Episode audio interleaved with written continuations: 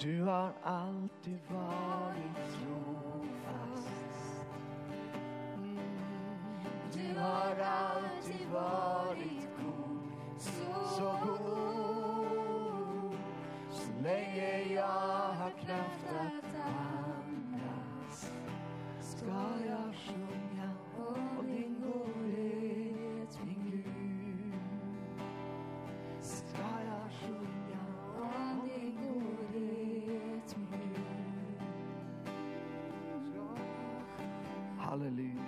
Tack Jesus. Åh, vad underbart att bara få stanna upp inför det faktum att Gud är god. Och han är inte bara god, han är bara god.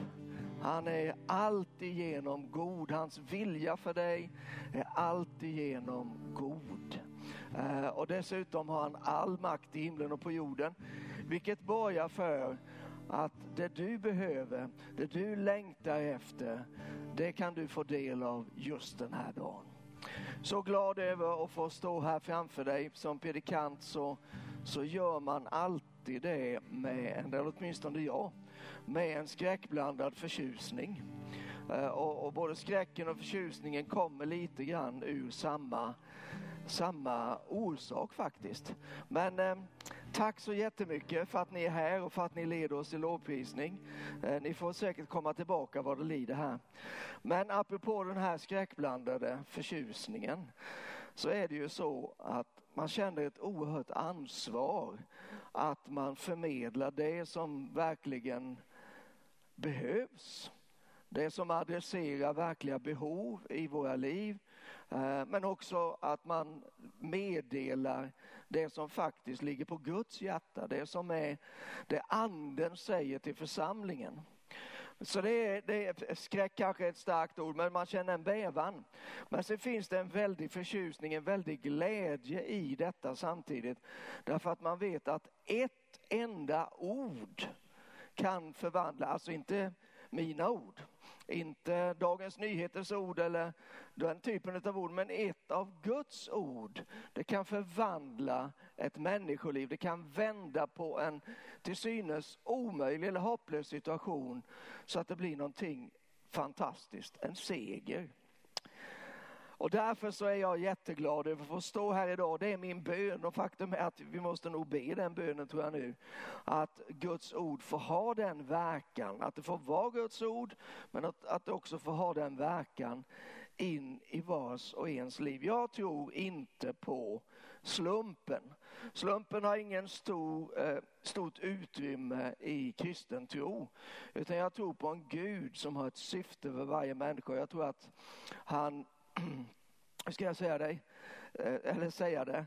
Jag tror att det är genom hans försorg som du lyssnar just nu. Och därför Jesus så vill jag bara tacka dig för att ditt ord är levande och det är verksamt och det tränger igenom. Hjälp oss Herre, hjälp mig så att jag rätt kan förmedla det som behövs men också det som ligger på ditt hjärta. Jag ber att varje ord idag ska få träffa precis det mål och precis det område som du vill att det ska göra. Du vakar över ditt ord Herre för att det inte ska vända tillbaka fåfängt utan att ha verkat allt vad till det blev utsänt att verka. Låt det bli så idag. Vi ber om det i Jesu Kristi namn. Amen. Ja, som du redan har hört och som väl inte är någon stor överraskning så jobbar vi med julen här. Och eh, på ett plan är man ju lite emot det här med att tjuvstarta julen men vi har ändå frimodigt gjort det och vi har jobbat eh, några gånger här med ett tema som vi kallar På väg till Betlehem. Och vi ska fortsätta med det idag. Jag tänker på det här med jul. En sak som är bra med jul det är ju att det återkommer varje år. Kanske har julen för dig blivit förknippad av någon anledning med besvikelse eller, eller en massa förväntningar som inte riktigt gick att, att uppfylla. Du kanske har dåliga minnen som, som anknyter till julen. Men det fina med jul är ju att det kommer åter varje år så det betyder att det finns en ny chans. Det finns en chans att tänka annorlunda, göra annorlunda och, och förhoppningsvis kanske hela att det hela också blir bättre. Och hela den tanken, det är ju så mycket Gud tycker jag. För Gud gör hela tiden nya tillfällen och nya möjligheter. Alldeles oavsett vilken tid på året det är. Och även om vi misslyckas gång på gång, även om vi aldrig riktigt tycker att vi når upp till förväntningarna som ju mestadels brukar vara våra egna alldeles för högt ställda. Så, eller om vi har gjort bort oss tusen gånger eller gett upp totalt på oss själva, så ger Gud en ny chans. Bibeln uttrycker det så här, Guds godhet leder oss till bättring.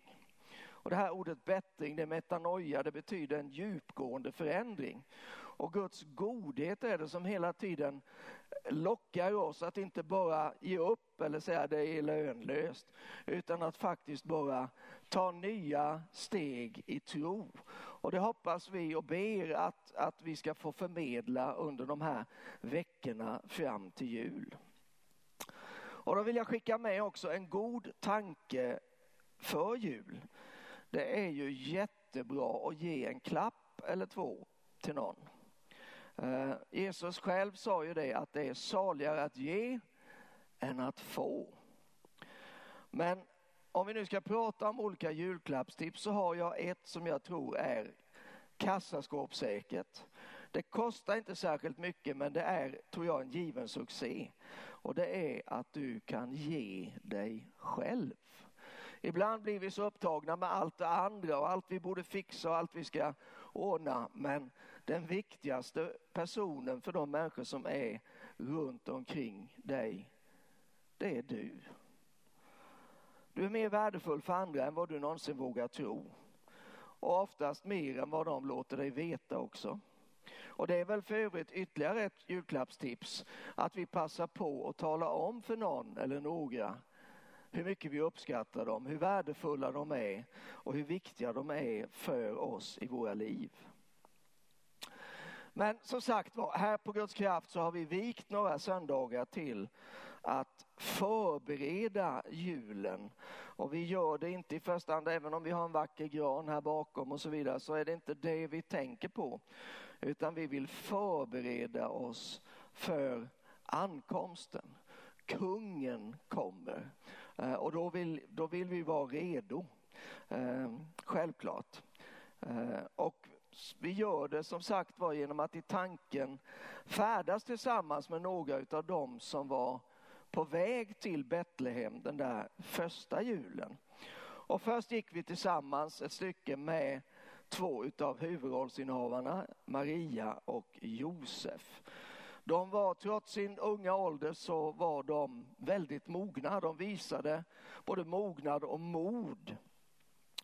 Eh, och genom sin tro och genom sin lydnad så både fick de och klarade av det största uppdrag som Gud någonsin har gett till någon människa. Och vi, vi stannade upp lite grann vid Marias ord när hon sa, eh, efter att hon hade fått beskedet att hon skulle föda Gud till världen, så säger hon, låt det ske med mig som du har sagt. Låt det ske med mig som du har sagt. Det krävs ganska mycket mod för att be den. Man kan ju slänga ut sig orden, men att, jag menar, när det står en ängel framför dig så, så väger du nog dina ord skulle jag tänka. Men att ändå våga be det utan att veta vad innebär detta. Det här är ju någonting som ingen människa någonsin har varit med om tidigare. Det är utmanande. Än i denna dag så är det utmanande och det är en utmaning för dig och mig att våga be det. Att ta Gud på orden och säga Gud om du säger det, låt det ske i mitt liv. Och så förra söndagen så, så stod vi ganska fascinerade över änglarna som kom till eh, herdarna på ängen. De kom med den största nyheten i världshistorien att nu har Gud kommit till den här världen för att rädda den. Vad ett otroligt glädjebesked de gav. Eh, men änglarna påminner oss också om, som vi sa, att, att Gud är väldigt intresserad och engagerad i det som sker på jorden. Gud är inte en Gud som är långt borta någonstans och som tittar lite åt andra hållet. Utan Gud är en Gud som i högsta grad håller ögonen på dig och mig. Och han gör det inte bara för att kolla, eller i första hand alls för att kolla så att vi sköter oss. Han gör det därför att han är genuint engagerad. Han vill ditt och mitt bästa hela tiden. Eh, det är ganska få människor som har sett änglar och änglarna i den mån de visar sig så kommer de aldrig, eller visar sig aldrig för att vi ska se dem eller tillbe dem eller åh, en ängel. Utan de verkar för en enda sak. De verkar egentligen för samma sak som vi ska göra. Att peka på Jesus. Att vi ska med våra liv kunna lyfta blicken på andra eh, människor, eller hjälpa andra människor, kanske man bättre kan säga, att lyfta sin blick så att de också får syn på Jesus. Det är vad änglarna bland annat lärde oss. Men idag så ska vi möta några andra som var på väg till Betlehem och ehm, eh, de startade på en äng strax utanför Betlehem. Men innan vi går till dem så ska vi flytta oss lite grann framåt i tiden från just den punkten. Kanske några veckor eller månader. Det var några så kallade visa män eh, österifrån som kom till Jerusalem. Och de hade färdats under lång tid eh, för att de hade sett ett tecken, ett tidstecken, en ny stjärna som hade tänts på natthimlen. Och enligt vad de förstod så betydde det att en ny kung hade fötts. Och de tänkte helt rätt. De gjorde ju det. Det de missade på det var platsen där den nye kungen fanns. Och mänskligt sett så tänkte de sunt och, och, och, och rätt så. De tänkte ny kung, ersätter en gammal kung. Gammal kung finns i palatset. Alltså måste den nya kungen finnas i palatset. Vi drar till Jerusalem. Men väl där så visar det sig att de har tagit miste. Ingen i palatset har en aning om vad som har hänt trots att de fanns mindre än en mil därifrån. Alltså från Betlehem. Och kungen, när han får höra detta, han blir skärrad, han känner sig hotad.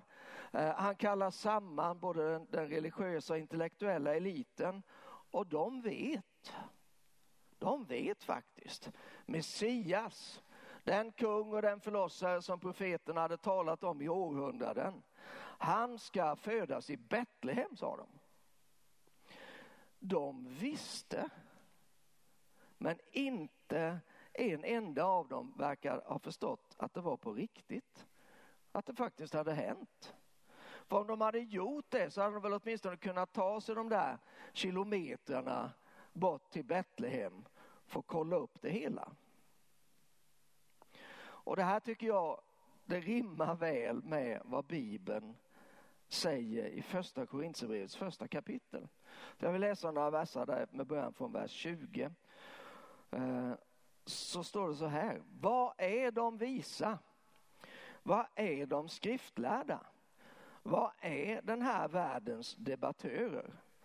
Har inte Gud gjort den här världens visdom till dårskap? När världen inte genom sin visdom lärde känna Gud i hans vishet så beslöt Gud att genom den dårskap vi förkunnar frälsa dem som tror.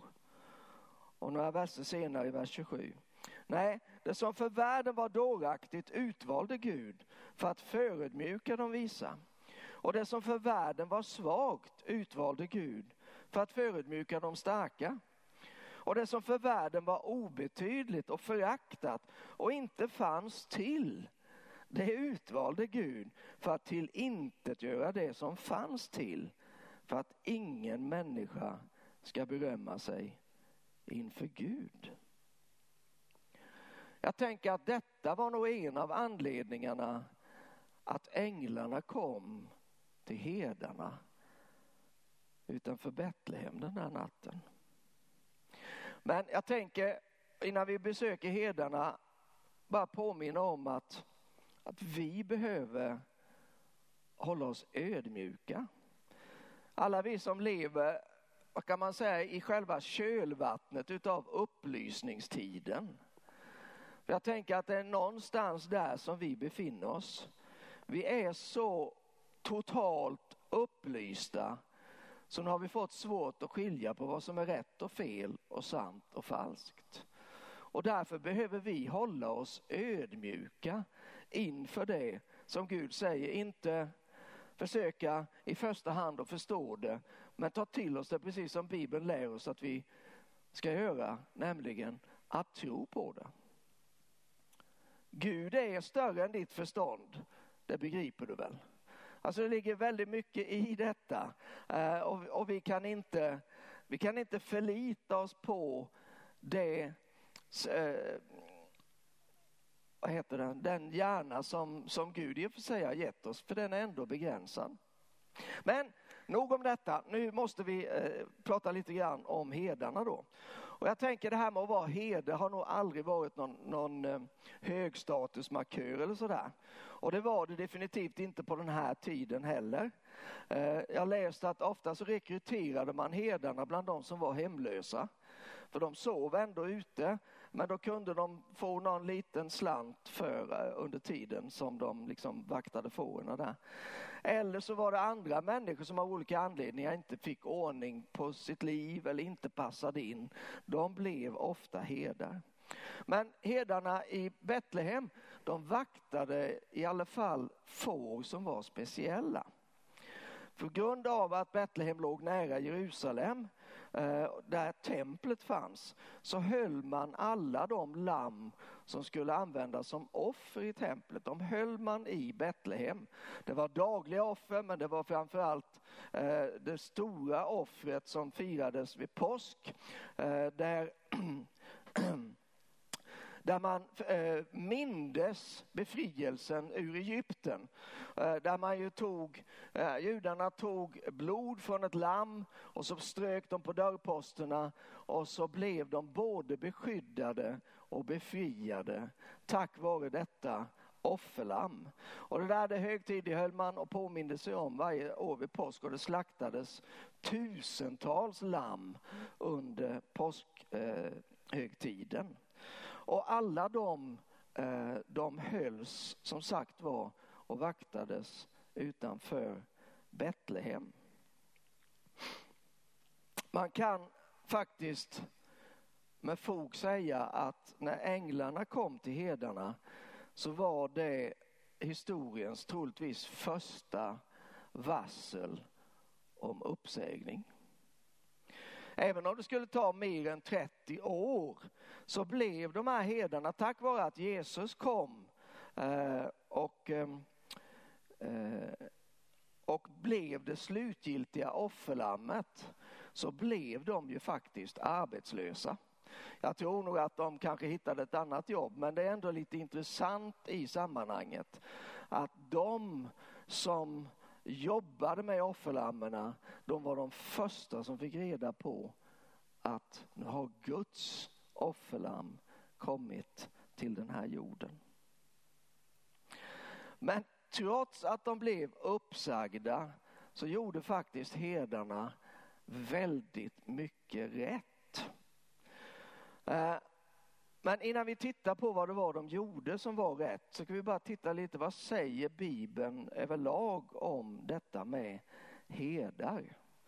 Därför att herdebegreppet återkommer gång på gång på gång i Bibeln. Redan i, tror jag det är, fjärde kapitlet måste det vara, i första Mosebok så möter vi Abel. Adams och Evas son, alltså andra generationen om vi säger så på jorden. Abel, han var en herde. Går vi lite längre fram så träffar vi en av ak akrobaterna, eller jag på att säga, men patriarkerna menar jag. Och, och det var Jakob och Jakob han jobbade i många år som herde hos Laban. Och när Jakob sen låg för döden eh, och uttalade välsignelsen över sina söner, då så talar han om Gud som sin herde. Och det är många fler i gamla testamentet som gör det. Och det mest kända exemplet är förstås David som i psalm 23 säger Herren är min herde, mig ska ingenting fattas.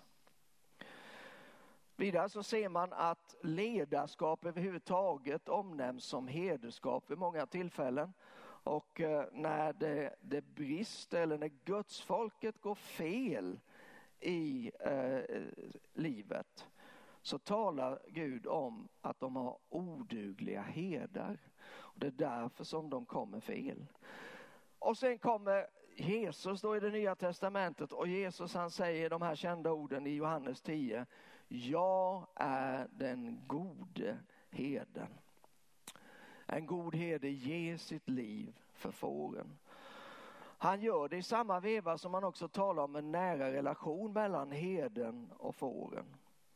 Och när Jesus sen överlåter ledarskapet för fåren till Petrus efter att han har dött och uppstått så talar han också i termer av herdeskap.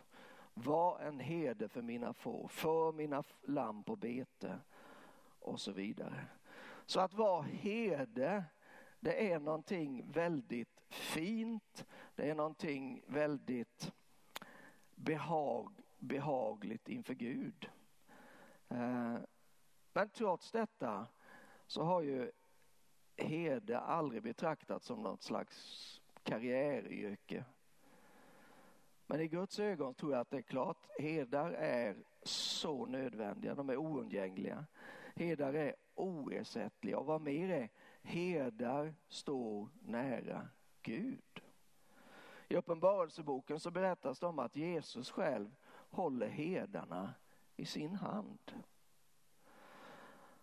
Och det fina med detta det är ju inte att det bara är pastor Svensson som är herde, utan på ett plan så är vi alla herdar. Gud har alla gett oss omsorg om någon eller några eller många människor. Men när vi ställer oss i den tjänsten när vi betjänar människor. En herde ska föda, lead, feed and protect, måste vi få över det på svenska. Leda och ge mat och beskydda fåren.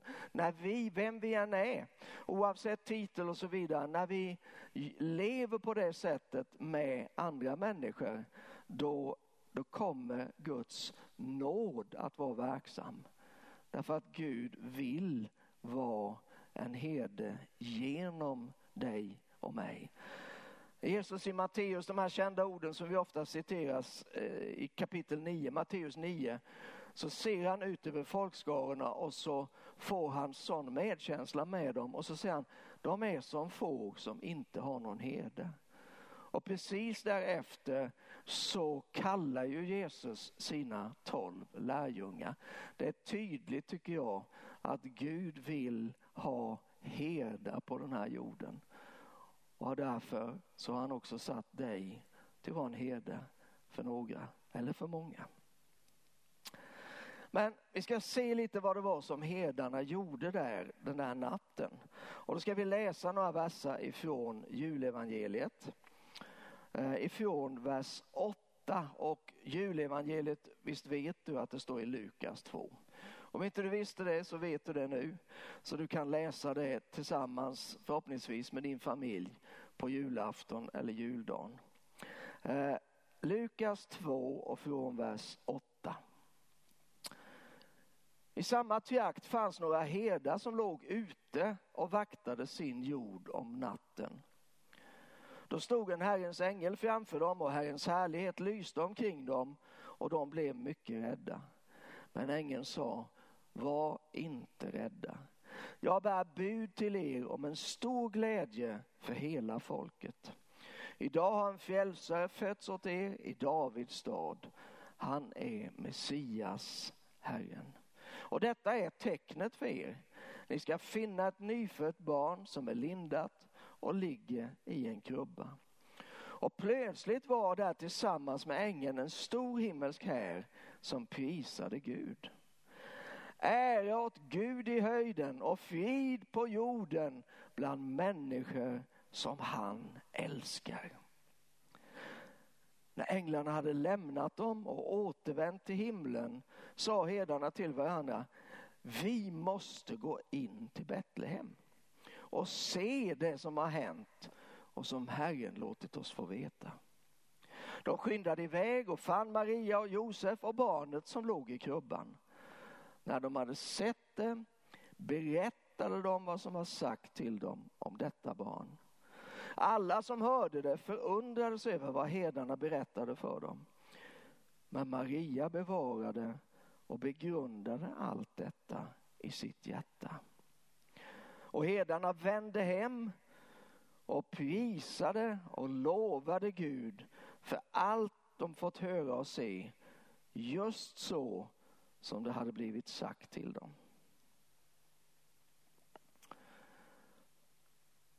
Även om det var Gud som såg till att änglarna, eh, förlåt, att herdarna fick ett änglabesök så måste vi ändå vara tacksamma till dessa herdar för hur de agerade efteråt. För de ger oss ett fantastiskt exempel. För det första, de skyndade iväg så fort änglarna hade sjungit färdigt. De satte sig inte ner och försökte att analysera vad var det som just hände. Vad, vad menar de med det som de sa? Och de byggde inte något altare för nu, oh, vi måste tillbe dessa fantastiska ljusvarelser som har kommit i vår väg. Och de väntade inte på att deras arbetsskift skulle ta slut heller. Utan de gav sig av omedelbart. Och det är åtminstone för mig och kanske ibland också för dig så är det ganska frestande att ändå ah, ta det lite lugnt. Jag kollar vad de andra gör. Det är ju ändå intressant att se liksom hur, hur man vill ju inte utmärka sig och vi tar det säkra före det osäkra. Vi spelar säkert här. Men herdarna gjorde inte det. De tvekade inte ett ögonblick. De hade hört det. Nu ville de se det. Tänk. Det är precis så som du och jag behöver, behöver göra. Vi har hört Gud tala. Och nu tänker jag att nu ligger initiativet hos oss.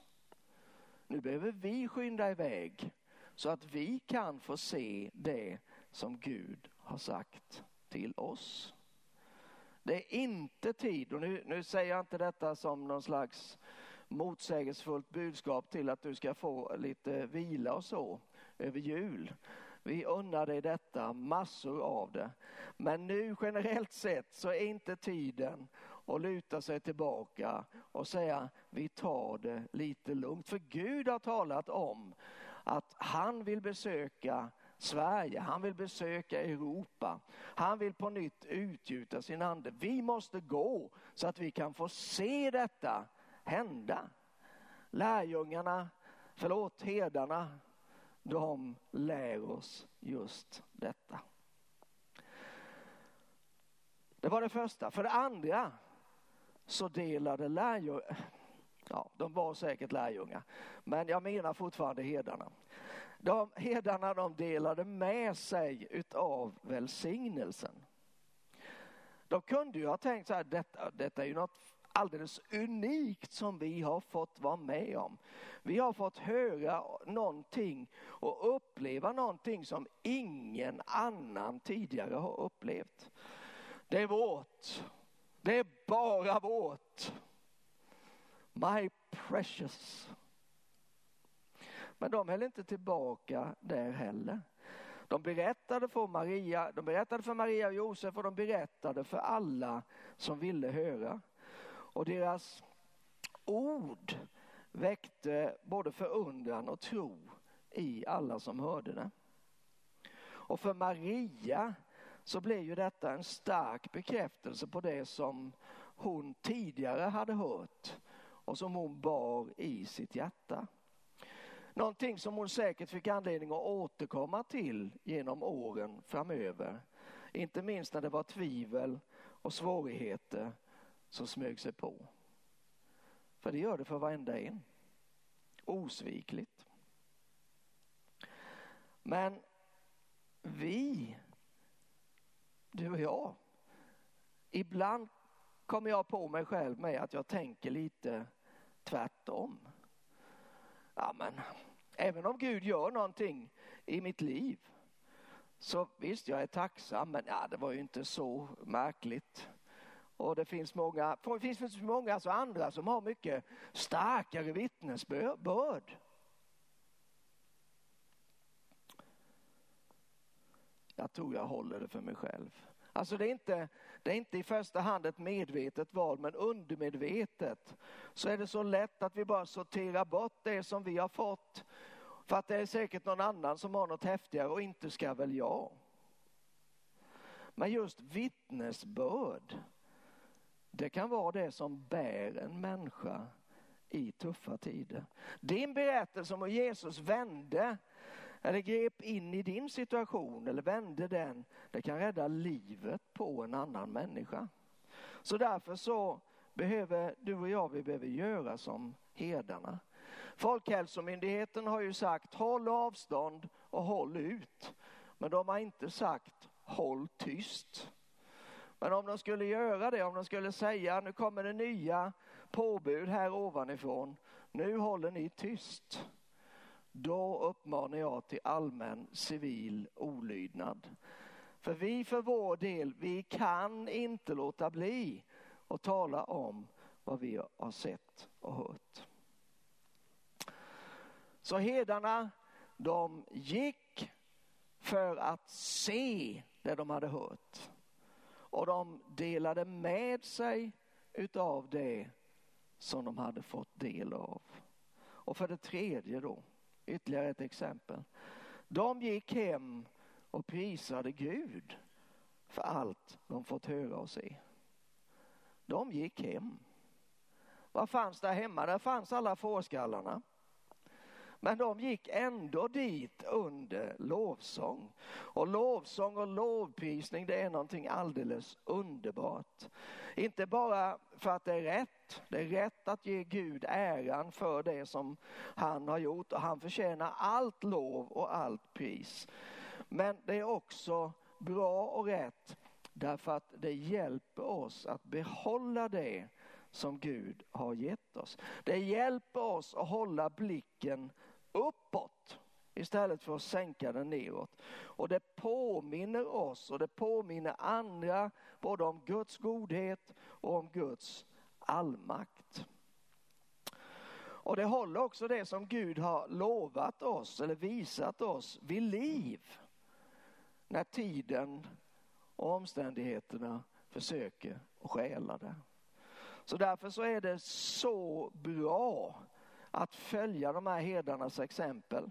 Hedarna, det var många som såg ner på dem vid den tiden.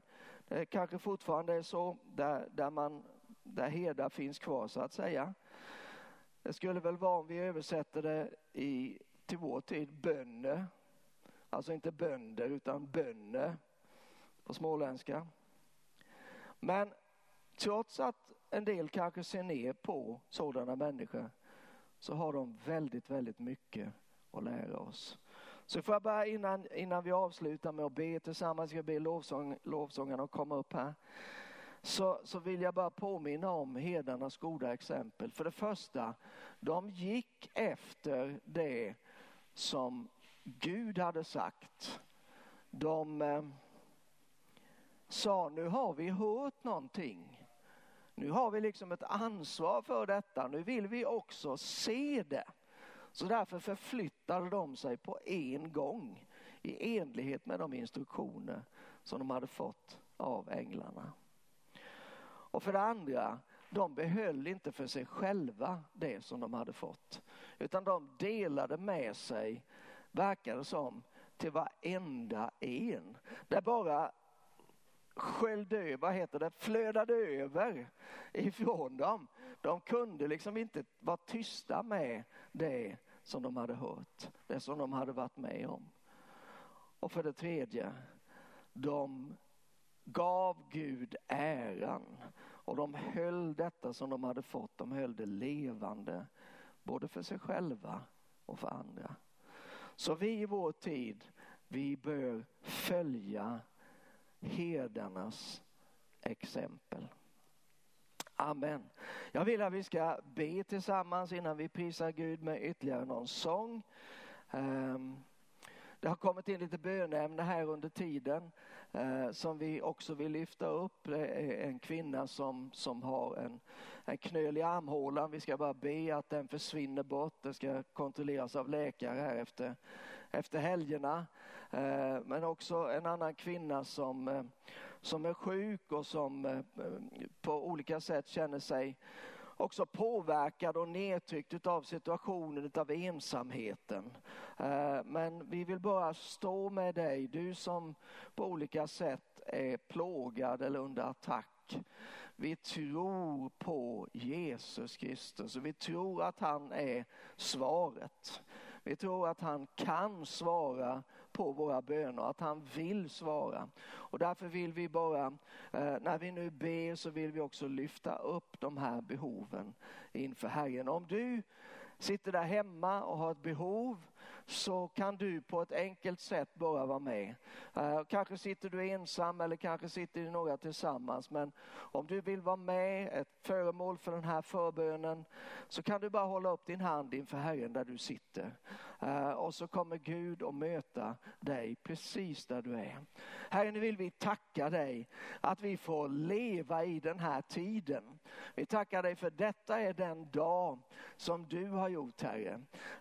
Idag är frälsningens dag, nu är den rätt rätta tiden som ditt ord säger Herre. Och du har oss här därför att du ville ha oss här Herre. Och vi bara ber att vi precis som herdarna ska förstå eh, vikten av att ta till oss det som du har talat med oss om, det som du har kallat oss till. Hjälp oss Herre att vi inte håller det för oss själva och hjälp oss Herre så att vi hela tiden lever inför dig i en i en förståelse att det är du som gör det. Du längtar efter att få göra det. Det beror inte på oss utan det beror på dig. Det beror på din godhet och det beror på din nåd Herre.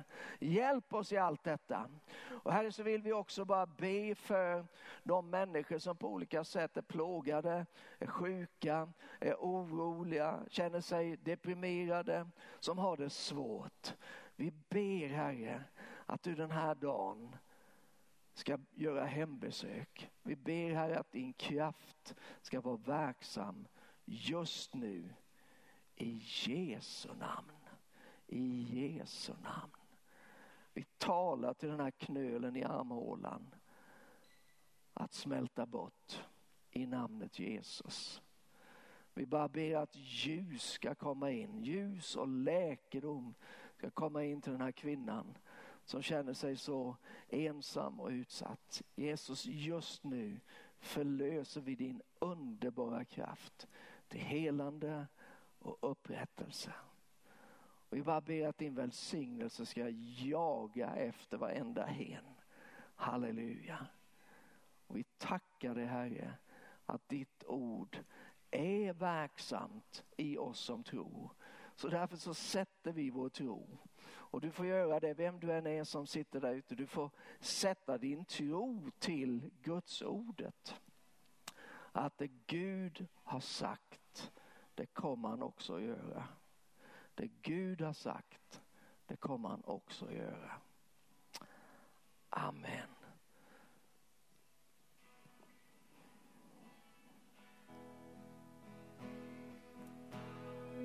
Day. Vi vi